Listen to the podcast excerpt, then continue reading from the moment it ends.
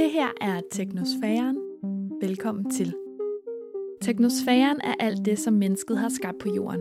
Hver en genstand, fænomen og teknologi, vi har opfundet, fører til bunken af ting i teknosfæren. Men selvom vi har skabt teknosfæren, kan det føles som om, vi mister kontrollen med den. For vores verden er fyldt med elektronik, mekanik og maskiner.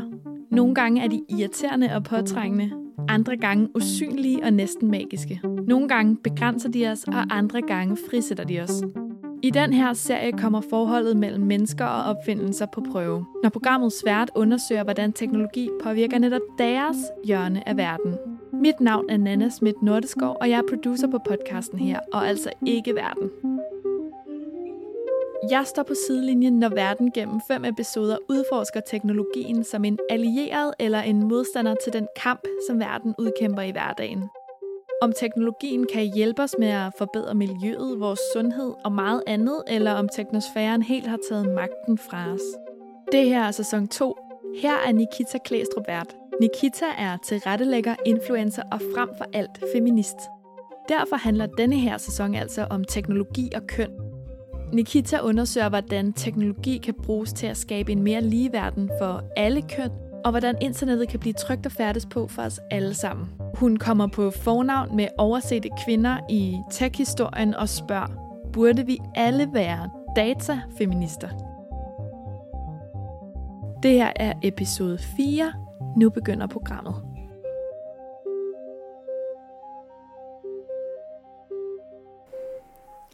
Nana, nu skal vi i gang med den fjerde episode af Teknosfæren. Ja, hvad, øh, hvad er det, du skal nu, Nikita? Jeg har glædet mig rigtig meget til den her episode. Vi har jo haft nogle episoder, der har været øh, lidt mere triste, for eksempel den om manusfæren, hvor vi virkelig dykkede ned i en, i en mørk og, og skummel afkrog af internettet. Så, så i dag skal vi slå et slag for, at internettet også kan være en kilde til fællesskab og delte interesser og værdier, og bare sådan... Jeg håber, det her bliver sådan en feel-good episode. Det føler vi har brug for. Altså, jeg har jeg føler, jeg har flere forskellige fællesskaber bare på min Instagram. Jeg føler, jeg har fået samlet et lille fællesskab af danskere, som ser Real Housewives, som en af mine store passioner. Jeg har også sådan en lille håndfuld følgere, som bare sender mig billeder af Machine Gun Kelly og Megan Fox, fordi de ligesom mig synes, de er det lækreste par i hele verden. Og sådan kan man bare finde nogle mennesker, som deler ens interesser og værdier. Sådan, jeg har ikke særlig mange veninder i den virkelige verden, som går op i hverken Real Housewives eller Machine Gun Kelly og Megan Fox. Og det er lidt ærgerligt, men jeg har fundet nogle, nogle fantastiske fremmede på internettet, som jeg kan dele det med. Hvad er kønsperspektivet i alle de positive sider ved internettet? Ja, man kan sige, det påvirker jo ikke mit liv sådan helt sønderligt, hvis mine veninder ikke ser The Real Housewives. Det skal jeg jo nok kunne komme over.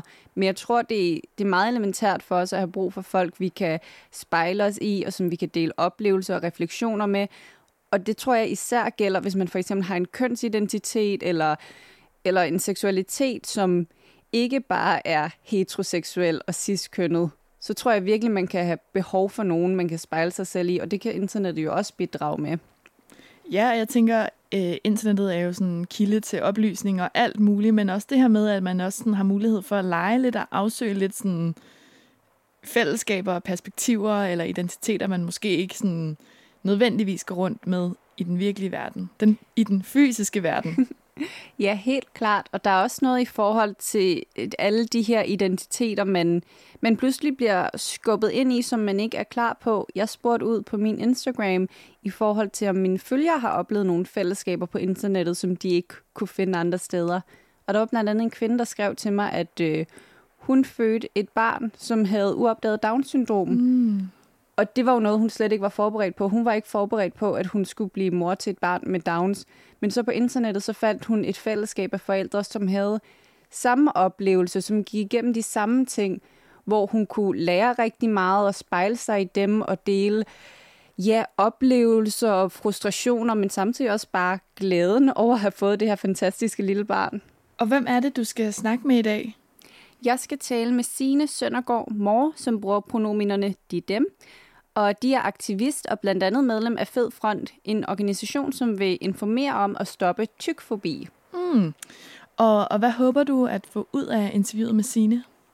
Jamen, jeg håber at få lidt af de her solskinshistorier om, hvor meget internettet egentlig kan bidrage med Altså nu er vi jo selv, dig og mig, ciskønnede, heteroseksuelle, hvide kvinder, så på en eller anden måde, så passer vi jo også ret godt ind i den fysiske verden. Så det er virkelig interessant at tale med nogen, som har haft en, en anden oplevelse, fordi som jeg også sagde lige før, jeg skal jo nok kunne overleve, at ingen af mine veninder ser The Real Housewives. Så det bliver fedt at have en samtale med en, som har fundet nogle fællesskaber, som, som jeg kan forestille mig betyder lidt mere. Altså, mit Real Housewives-fællesskab betyder meget for mig, det er slet ikke det. Men du ved, det er lidt mere hygge. Det her kunne jeg godt forestille mig stikker lidt dybere, så det glæder jeg mig til at høre om. I forhold til de forrige episoder, vi har lavet, hvad er det så, det her kan?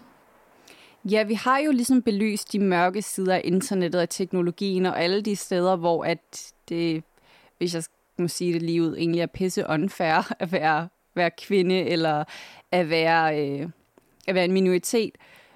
Så det er også fedt at få et lidt gladere perspektiv om, hvordan internettet mange steder også har kunne skabe en platform for safe spaces til sårbare og marginaliserede grupper. Mit navn er Nikita Klæstrup. Jeg er tilrettelægger, influencer og feminist. Når man taler om internettet, taler man tit om alt det grimme, og det har jeg også selv mærket på min egen krop. I omkring to år, der øh, meldte jeg mig lidt ud af hele feminisme-debatten, havde ikke lyst til at skrive ting, havde ikke lyst til at deltage, og det var simpelthen, fordi jeg gemte mig for alle de forfærdelige mennesker, som desværre kommer frem, når man har lyst til at tale om feminisme. Men jeg er tilbage, fordi det er heldigvis ikke kun trolls og assholes og meninists, man kan finde på internettet. Sociale medier er også et hjemsted for bevægelser, oplysningskampagner og virtuelle safe spaces, der forbinder mennesker med hinanden på tværs af geografi. Jeg har oplevet fællesskab, konstruktiv dialog, humor, opbakning, billeder af Machine Gun Kelly og Megan Fox og tilhørsforhold på min platform. Og det kropsløse internet gør det muligt at udforske ikke bare verden, men også sig selv. At afprøve sin identitet, seksualitet og kønsudtryk i trygge virtuelle rammer. I den bedste af alle verdener var det den historie, vi fortalte hinanden om internettet. Velkommen til Teknosfæren, hvor jeg i dag ser på internettets allermest lyse sider.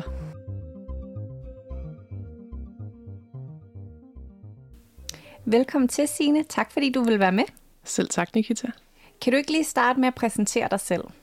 Jo, jeg hedder Signe Morge. Jeg er 26 år. Jeg læser teater- og performance-studier på Københavns Universitet. Og øh, jeg er til daglig øh, dramatiker og instruktør i min egen øh, teatervirksomhed, der hedder Teater Vi. Mega fedt. Altså, i dag der skal vi jo bruge lidt tid på at se på det allerbedste, som internettet har tilbydet. Altså de, de steder, hvor internettet er allerbedst, hvor det gør allermest godt for os. Hvornår sad du selv foran en computer for første gang? Jeg har siddet foran en computer stort set siden jeg kan huske. Har spillet øh, Pokémon på øh, ROMs downloadet fra internettet, fordi jeg ikke selv havde en øh, Game Boy Advance. Og så har jeg siddet på øh, Hundeparken på skum.dk, Power Babe. Åh oh, gud, Power Babe. Power det var Babe. så godt. Er det stadig, kan man stadig finde det spil, fordi så har jeg brug for det? Jeg prøvede faktisk flere år senere, da det blev lukket ned. Jeg kan huske den dag, jeg lukkede ind, og de sagde, Power Babe stopper Ej, på hjemmesiden. Ærgerligt. Og jeg var bare sådan, det er løgn. Jamen, jeg føler også bare, at det var sådan hele min, hele min barndom at bruge. Hvor mange penge var det nu, et nyt stykke tøj kostede? Sådan, så købte man det med sms, men min telefon måtte jeg ikke øh, købe ting på, så jeg skulle sådan få min farmor til at gøre det for mig. Sådan, farmor, kan du ikke lige købe mig et stykke tøj på det her spil? Ja, det var sådan et eller andet 16 kroner, så kunne man smide drink på hinanden og få hinandens MSN Messenger, Hotmail, kontor og få netkærester. Ej, det var gode tider. det var det virkelig. Så har jeg været som sagt på Hundeparken, hvor jeg også fik NK netkærester, og kan også huske, der var mange fra min øh, klasse, der gik på det der Go Supermodel. Åh, oh, det kan jeg også huske.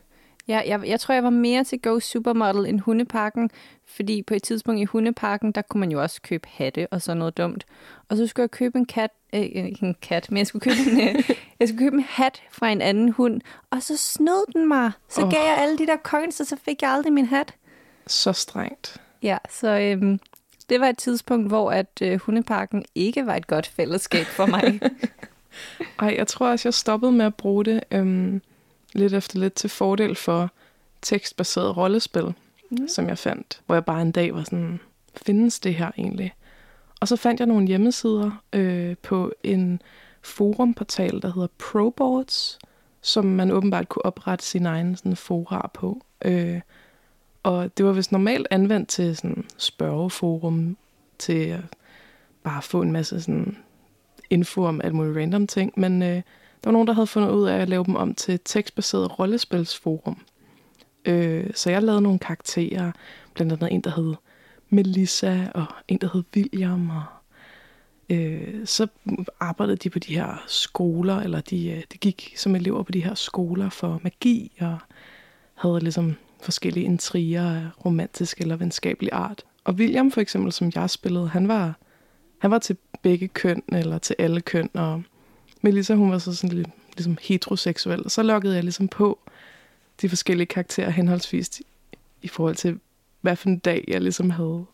Og så fik jeg venner online på de der øh, hjemmesider, og blev venner med dem over Messenger, og vi havde også et træf på et tidspunkt i Lyngby, hvor vi mødtes i 2007, tror jeg det var, eller 8 hvor jeg ligesom oplevede, at jeg fik mine første sådan rigtige venner over internettet. Det lyder jo som om, at der også har været sådan lidt leg med identitet, og hvem havde du lyst til at være? Var du Melissa, eller var du William, eller var du en hund, eller var du en power babe?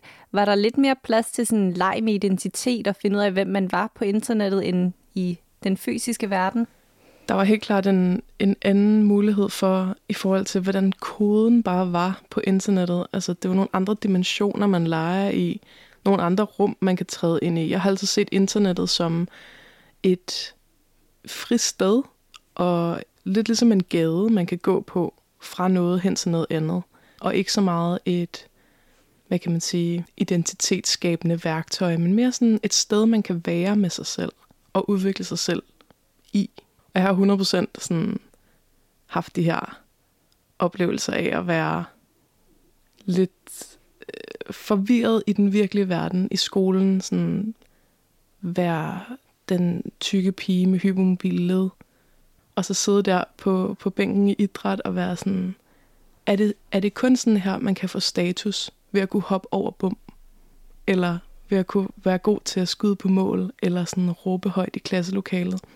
Så der har helt klart været noget med at sådan kunne vælge sanseindtryk til og fra, i forhold til at, at være på et tekstbaseret forum for mig. Du fortæller jo også, at du, øh, du ligesom starter ud på det her online rollespilsforum, og i dag så arbejder du jo med teater. Tror du, at øh, det forum simpelthen var med til at, til at hjælpe dig med at finde ud af, at det her er mega fedt, det her er kreativt, jeg kan bruge min fantasi, jeg kan få lov til at lege, det er det, jeg vil bruge mit liv på? 100 procent. Jeg tænker rigtig tit på det, når jeg er i gang med en eller anden skriveproces, at det, der faktisk også har motiveret mig, er nogle af de venner, jeg havde øh, på de rollespilsider, øh, var rigtig gode til ligesom at sige, ej, en flot formulering, eller øh, hjælpe hinanden med at sætte kommaer de rigtige steder og sådan noget. Så det var også en, en faglig udveksling blandt preteens og teenager. Øhm, og så var det selvfølgelig også en, en, en rolleleg, øh, som bare har gjort, at jeg er begyndt at elske, eller jeg ligesom fik fremelsket den side af mig selv, som laver karakterer og bygger karakterer rigtig meget ud fra sprog. Nu er det jo et lidt andet internet, vi ser i dag, som vi også talte om. Der er desværre ikke mere Power Babe. Jeg tror måske ikke, hundeparken eksisterer længere. Jeg er ikke sikker. Jeg har ikke tjekket i meget lang tid. Jeg er scarred for life. Skulle aldrig hundeparken igen. Men hvad tror du, det vil have betydet for dig at vokse op med internettet, sådan som det er i dag? Jeg tror, det havde været meget anderledes. Igen, jeg har tænkt over det med, at internettet er et sted for mig. Øh, og på en eller anden måde, så både i det virkelige liv og på internettet, har jeg altid været en type, der har let efter hemmelige steder eller anderledes steder. Så derfor tror jeg helt sikkert også, at jeg vil have kunne finde de her safe spaces, eller rum for ro og kreativitet og fordybelse sammen med andre i det internet, der er nu. Øhm, på sin vis er der jo mange flere muligheder nu, øh, og så alligevel ikke, fordi vi har nogle konglomerater, der ligesom styrer vores data på en helt anden måde, og styrer, hvad vi klikker på, styrer, hvad vi får vores endorfinroser af, og det er jo hovedsageligt likes. Øhm, det er jeg også selv 100% mega afhængig af øhm, og bevidst om efterhånden, men det er svært at sige, hvad der var blevet af mig, hvis jeg var generation Z, eller hvad det nu hedder, ja, i stedet tror, for millennial. det er, det er sætterne. Ja, min bror er det selv, øhm, og bruger internettet på en meget mere øh, grænsefast måde, end jeg gjorde. Hvordan det? Mm, jeg tror ikke, han har fundet fællesskab på samme måde gennem internettet. Det handler måske om vores forskellige tilgange til det kreative og sproget. Han er meget mere auditiv, end jeg er. Jeg kan hurtigt blive meget lyd overstimuleret af lyd. Øh, og derfor er skriftmediet jo bare rigtig perfekt til mig. Det er lidt ironisk, når vi sidder og laver podcast, men... Øh... Nu siger du, at øh, din bror, som på en helt anden måde er indfødt med, med internettet, som det er i dag, at han bruger det på en væsentlig anderledes måde, end du gør. Tror du, det også handler om, at øh, du havde brug for internettet på en anden måde, fordi der ikke var samme plads til dig i den fysiske verden? Det tror jeg helt sikkert. Min bror og jeg er, er meget forskellige personlighedsmæssigt, øh, har også et rigtig godt forhold til hinanden, men han har altid været mere interesseret i at være med, hvor det skete.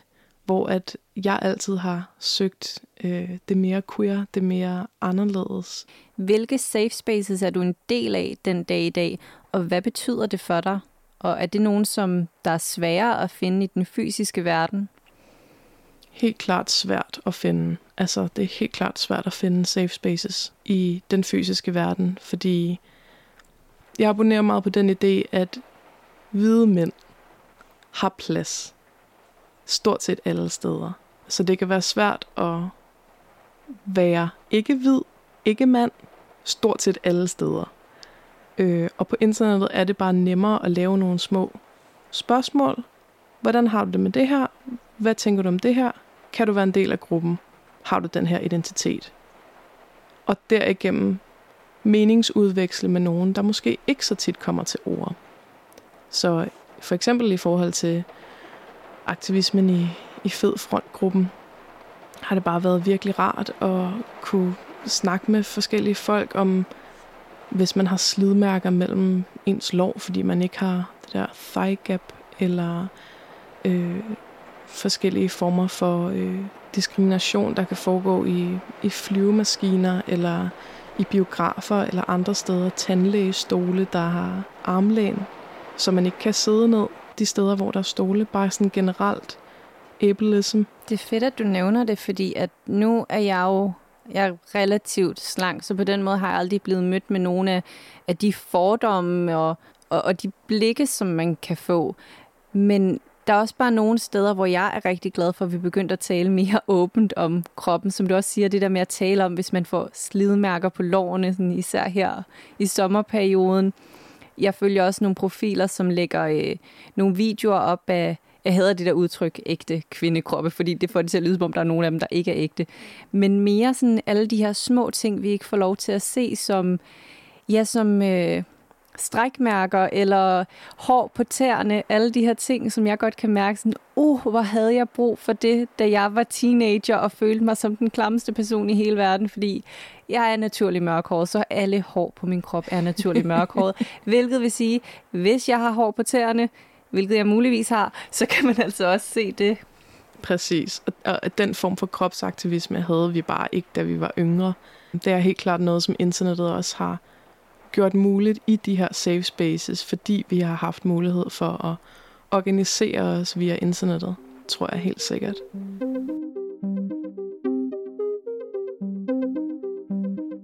Nikita, jeg stopper dig lige et øjeblik. Kan du ikke lige fortælle, hvor du er lige nu? Hvem er det, du sidder og snakker med? Jeg taler med Sine Søndergaard, som er aktivist, og de skal hjælpe mig lidt med at, øh, at finde ud af noget om alle de her safe spaces og alle de her rare steder at være på internettet. Det lyder godt. Skal vi ikke bare skynde os tilbage til det så? Jo, det synes jeg.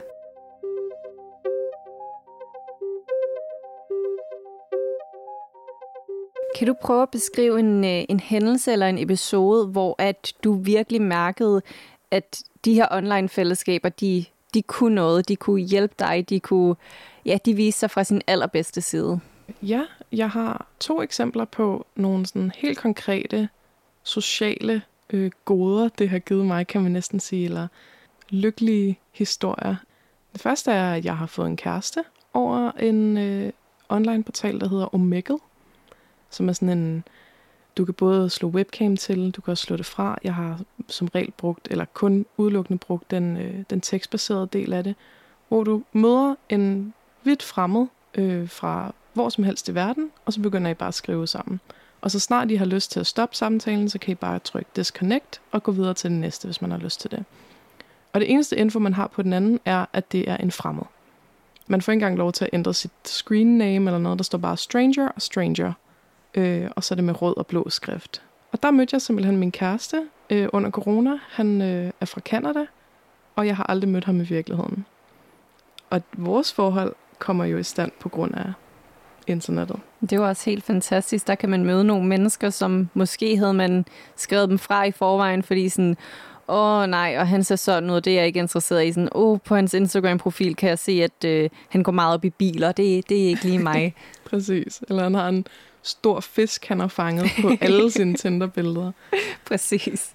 Øhm, så det er 100% en, en lykkelig online-historie fra mig, og så har jeg i øvrigt også øhm, i forbindelse med Instagram-aktivisme, da Black Lives Matter-organisationen ligesom havde sin opblanding i øh, den danske aktivismekreds for halvandet års tid siden, øhm, der oplevede jeg en perifær bekendt, en af mine veninder fra øh, Somalia. Hun øh, kontaktede mig baseret på nogle af de stories, jeg havde lagt ud om øh, blandt andet krisen i Sudan, og nogle af mine opslag om Black Lives Matter på Instagram. Jeg havde egentlig ikke kendt hende særlig godt, men vi begyndte ligesom at skrive sammen baseret på vores begge to sådan, ønske om at fremme Black Lives Matter-bevægelsen og hæve interessen for sorte liv i Danmark og snakke om race og hvidhed generelt og de privilegier, der knytter sig til det. Og siden da er vi blevet rigtig, rigtig gode venner. Vi snakker sammen i hvert fald en gang om ugen, og hende tror jeg ikke, jeg havde blevet venner med, hvis ikke jeg havde vist online interesse for den sag, der påvirker hende til dagligt. Ja, fordi udover alle de her fantastiske sociale fællesskaber, man kan få, så har internettet jo også banet vej for en helt ny form for aktivisme, hvor at det, jeg vil sige, det jo nærmest er nemmere end nogensinde at vi solidaritet og gøre opmærksom på nogle, på nogle emner, der har brug for at blive belyst. Helt sikkert. Lige nu der tager jeg selv en lille pause fra internetaktivisme, øh, eller i hvert fald at poste politisk på Instagram, fordi jeg synes også tit, det er nogle tanker og refleksioner, jeg alligevel gør mig. Og jeg har egentlig ikke så meget brug for at fortælle mine venner, eller hvor mange 500 følgere, tror jeg, jeg har på Instagram, at jeg også abonnerer på den her politiske idé. Så vil jeg hellere gå i grupper, eller kommentere på kommentartråde, hvor folk ligesom kan vedblive med at se, at det er den her holdning, jeg har. Fordi stories gør jo også det, at de forsvinder efter 24 timer, medmindre man laver et højdepunkt på sin egen profil. Og det er meget sjældent, at folk går ind og kigger på højdepunkter på private profiler. Så derfor har jeg også sådan prøvet at lave lidt self for love med ikke at sådan konstant dele politiske agendaer, for ligesom at holde internettet mit eget safe space på en måde. Det kan jeg virkelig godt relatere til. Altså, jeg føler også, at jeg som enormt stor profil har et kæmpe ansvar, men nogle gange kan jeg også stresse mig selv helt forfærdeligt og føle, at jeg er en dårlig ally, hvis jeg ikke deler alt, hvilket jo heller ikke er en rar følelse og ikke særlig meget self-care over. Og jeg var også for nylig nødt til faktisk at helt at slette min Twitter-app. Øhm, det var under hele den her hashtag, der jeg sagde fra bevægelse, fordi jeg kunne mærke, at selvom jeg synes, det er vanvittigt vigtigt at få fokus på, at det simpelthen var, var for hårdt og for retraumatiserende for mig at være i, hvor jeg var nødt til at sige, okay, nu handler det ikke om aktivisme, nu handler det om self-care, så bliver jeg nødt til at sige fra og finde nogle andre safe spaces. 100 procent. Øhm, der er jo helt klart også noget i det der med, at man hurtigt kan blive lukket ned for. Øh, jeg ved ikke, om cancel culture er en ting, men der er mange, der snakker om, åh, oh, nu er du blevet cancelled, og whatever. Hvor at jeg kan ikke lade være med at tænke på, at hvis det er, som jeg tænker, at internettet er et sted, så er der vel lige så meget ret i at sige, du har ikke ret til at være her, lige her, denne del af internettet, som der er i forhold til at sige, du kan ikke blive lukket ind på den her klub, eller du kan ikke komme ind på den her café. Jeg kunne godt tænke mig at lave et, øh, et lille hyggeligt tankeeksperiment med dig. Nærmest It's a Wonderful Life, men i stedet for, hvis du ikke havde været i verden, hvad hvis internettet ikke havde været i verden? Hvordan tror du, din, din barndom og ungdom så havde set ud? Jeg tror, jeg havde trukket mig mere fra sociale sammenhænge, fordi det handler for mig meget om sansestimuli og om at kunne have plads. Øh, og i de sociale fællesskaber, der er mulige, øh, uden internettet, altså i virkeligheden, når man skal sige det på den måde, der bliver du hurtigt sat i situationer, hvor at der for eksempel er stole, du ikke kan sidde på. Du skal sidde stille. Du skal have læst noget til næste gang, eller du skal ligesom vide nogle ting på forhånd, hvor at internettet har gjort det muligt at komme rent og deltage på minuten Øh, jeg var selv rigtig interesseret i improteater. Det havde jeg nok dyrket endnu mere. Øh, jeg gør det selv meget nu.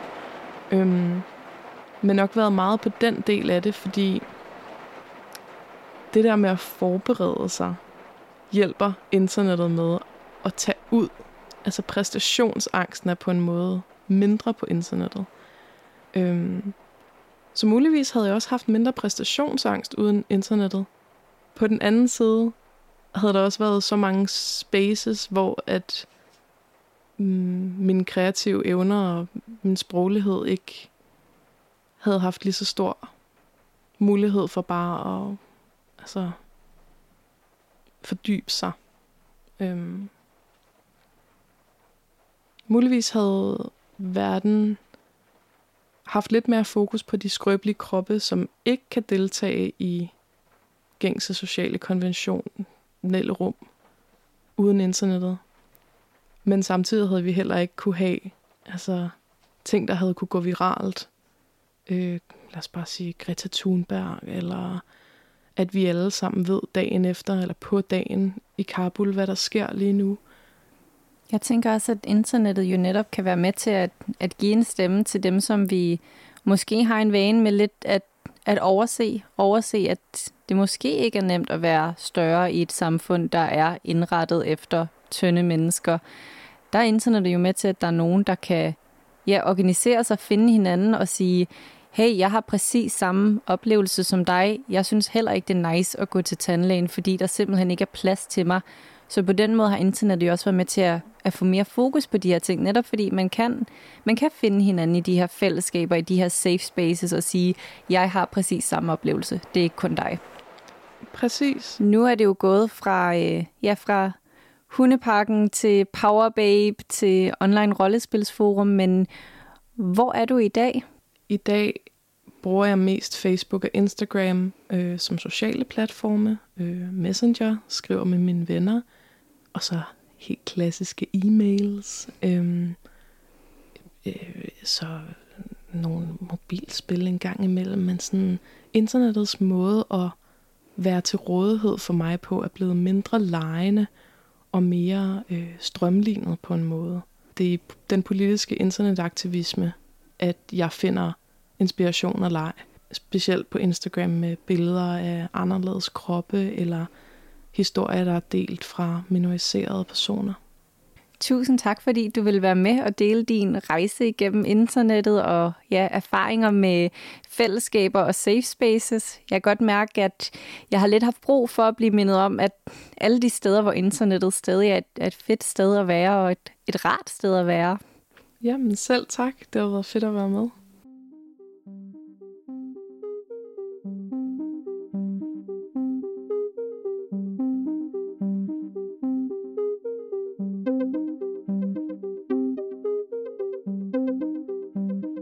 Mega nice med en, jamen, ja, lidt en solskinshistorie, lidt alt det gode internettet kan bruges til, og alle de steder, hvor internettet faktisk er et, ja, et nice sted at være. Mm-hmm. Og altså virkelig kontrast til de andre episoder, som mest har handlet om alle problemerne på internettet.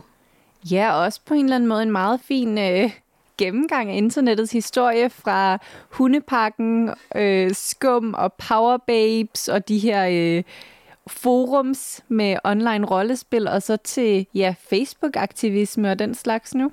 Helt sikkert. Altså, virkelig indtil jeg tænker over, hvor overfladisk jeg faktisk bruger internettet. Jeg går ikke på opdagelse på Omegle, og jeg går ikke ned i alle mulige niche-ting, og jeg har aldrig brugt det særlig meget med at chatte med fremmede, eller øh, udfolde mig kreativt på internettet, og det fik, jeg fik faktisk bare lyst til at udforske internettet endnu mere, end jeg gør allerede. Lige nu er jeg lidt sådan en ja, sådan mainstream-bruger, jeg fik lyst til at udforske nicherne lidt mere af det her.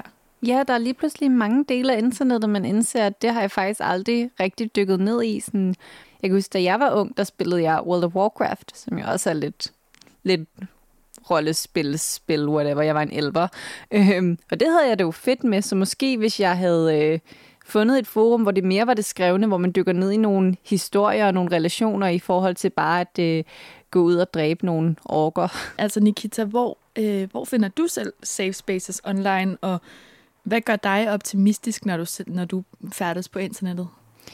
Og jeg tror, jeg finder, altså safe spaces for mig har jo mange forskellige betydninger. Der er et safe space for mig i øhm, hele online feminisme community, fordi jeg ved, at der kan jeg få, jeg kan få støtte, og der er nogle personer, som deler de samme værdier som mig, og har haft nogle af de samme oplevelser, og kan, kan lidt holde mig i hånden, når der sker noget uretfærdigt, og være sådan, ved du hvad, du har ret, det der er pisse uretfærdigt, det burde ingen af os være udsat for. Så det er jo et safe space, men for mig er der også nogle safe spaces i, at i lidt at lukke øjnene for alt det modbydelige, der sker. Altså, jeg har safe spaces i, øhm, i Instagram-profilen Herlige Svend, som øh, primært laver memes med vildt nuttede dyr og poster nuttede dyr på sine stories. Jeg har et safe space på, på TikTok, hvor jeg udelukkende kigger på, øh, på videoer af pænt organiseret skabe, fordi det giver mig sådan et helt utroligt dopaminros bare at se den orden, og når det er farvekoordineret. Øhm, og det er selvfølgelig nogle safe spaces, hvor jeg lidt mere der lukker jeg øjnene for, at verden kan være uretfærdig, og i min feminisme safe spaces, der, øh, der får jeg nogen at støtte mig op af, når jeg ikke kan når jeg ikke kan løbe væk fra, at verden er uretfærdig. Jeg kunne ret godt lide det, som Sine sagde i forhold til, at internettet er et sted. Altså, vi skal simpelthen bare betragte internettet som et sted, og man kan, man kan lave regler for steder. Man må gerne lukke sin dør i et sted, som internettet og sige, du er velkommen, og du er ikke velkommen. Ligesom man må i sit eget hus, for eksempel. Det synes jeg bare var sådan en ret... Øh, et ret fint billede på internettet. Og hvis vi tager den tanke videre, så trækker det jo faktisk tilbage til den episode, vi havde før med Karen, hvor det er, hvis der nogen, står nogen uden for din hoveddør og sviner dig til, og de ikke forsvinder, så på et tidspunkt, så ringer man til politiet, eller sådan, så gør man, sætter man sådan et lovsystem i gang. Og det er jo virkelig det, vi snakker med Karen om, at det er jo det, der mangler på det sted, der hedder internettet. At man kan vende sig et sted hen med sin frustration, eller det, man har oplevet som er grænseoverskridende, Ja, det er jo bare lidt det, det vilde vesten, hvor jeg kan ikke lukke min salondør, fordi de kommer alligevel ind med deres pistoler af negativ energi. ja, helt sikkert. Lad os lige sådan uh, runde uh, den, det lyse ved internettet i slutningen af det her, fordi jeg tænker på, hvornår har du sidst selv fået sådan en Instagram-åbenbaring, hvor der var et eller andet, som sådan rørte dig, eller gjorde dig opmærksom på, at man kan være mere end men det, vi er i forvejen? Jeg fik faktisk en, øh, en for nylig. Jeg var udsat for noget ubehageligt. En, en mand, der ud af det blå skrev til mig øh, på Instagram, hvad så skal du knippes eller hvad? Og jeg havde den reaktion at tage et screenshot og lægge det op på min story. Og på det her tidspunkt har jeg været, øh, jeg har været en lille smule meldt ud af feminisme-debatten i et stykke tid. Det er, sådan, det er faktisk ret sjældent, jeg egentlig har, har blandet mig. Og jeg fik så meget opbakning, og det lyder underligt at sige, men jeg kunne virkelig mærke, at der var sket meget på de, bare på de få år, hvor jeg ligesom havde været sådan, ah, det er måske ikke for mig. Den opbakning, jeg fik, var så utrolig. Jeg kunne mærke, at bare på de relativt få år, var der sket virkelig meget i forhold til, hvordan, øh, hvordan man synes, det var acceptabelt at tale om og til kvinder, og også fra, fra kvinder selv. Altså, jeg kan huske, da jeg først kom frem og begyndte at tale om de forfærdelige negative kommentarer, man kunne få, der var der, altså ikke overvejende, jeg tror måske, man lægger mere mærke til det negative, men jeg følte i hvert fald, at der var en lang stor gruppe af kvinder, der var lidt sådan, jamen, hvorfor har du så det tøj på? Hvorfor lægger du de billeder op? Det må du jo bare forvente. Sådan er mænd. Hvor her kunne jeg mærke, holy fuck, vi finder os ikke i noget pis længere. Og det var en virkelig fed følelse at sidde med, hvor jeg bare var sådan, oh, det her er den støtte og det fællesskab og det sisterhood, som jeg har drømt om. Så ja, faktisk for, for meget for nyligt, der fik jeg sådan en, en helt åbenbaring om, hvor fedt et sted internettet kan være, og hvor stor en kilde til støtte og opbakning det kan være. Mm, nu er vi sådan øh, relativt glade og positivt stemt over for internettet. Hvad vil du tage med fra den her episode til den næste og sidste episode i den her sæson? Ja, i næste episode, der skal vi jo tale om, øh, om lidt glemte kvinder i tech-industrien. Måske endda nogle af de kvinder, der har gjort internettet muligt for os. Der kan man sige, at der er også nogle fællesskaber på internettet, og her tænker jeg især på Instagram, som jo faktisk i høj grad handler om at få noget fokus på alle de her fantastiske kvinder, som har gjort en stor forskel. Så jeg tager helt klart det med mig videre, at der findes nogle fællesskaber i forvejen, som faktisk gerne vil have mere fokus på de her kvinder, som har gjort en enorm forskel på den teknologi, vi sidder med i dag.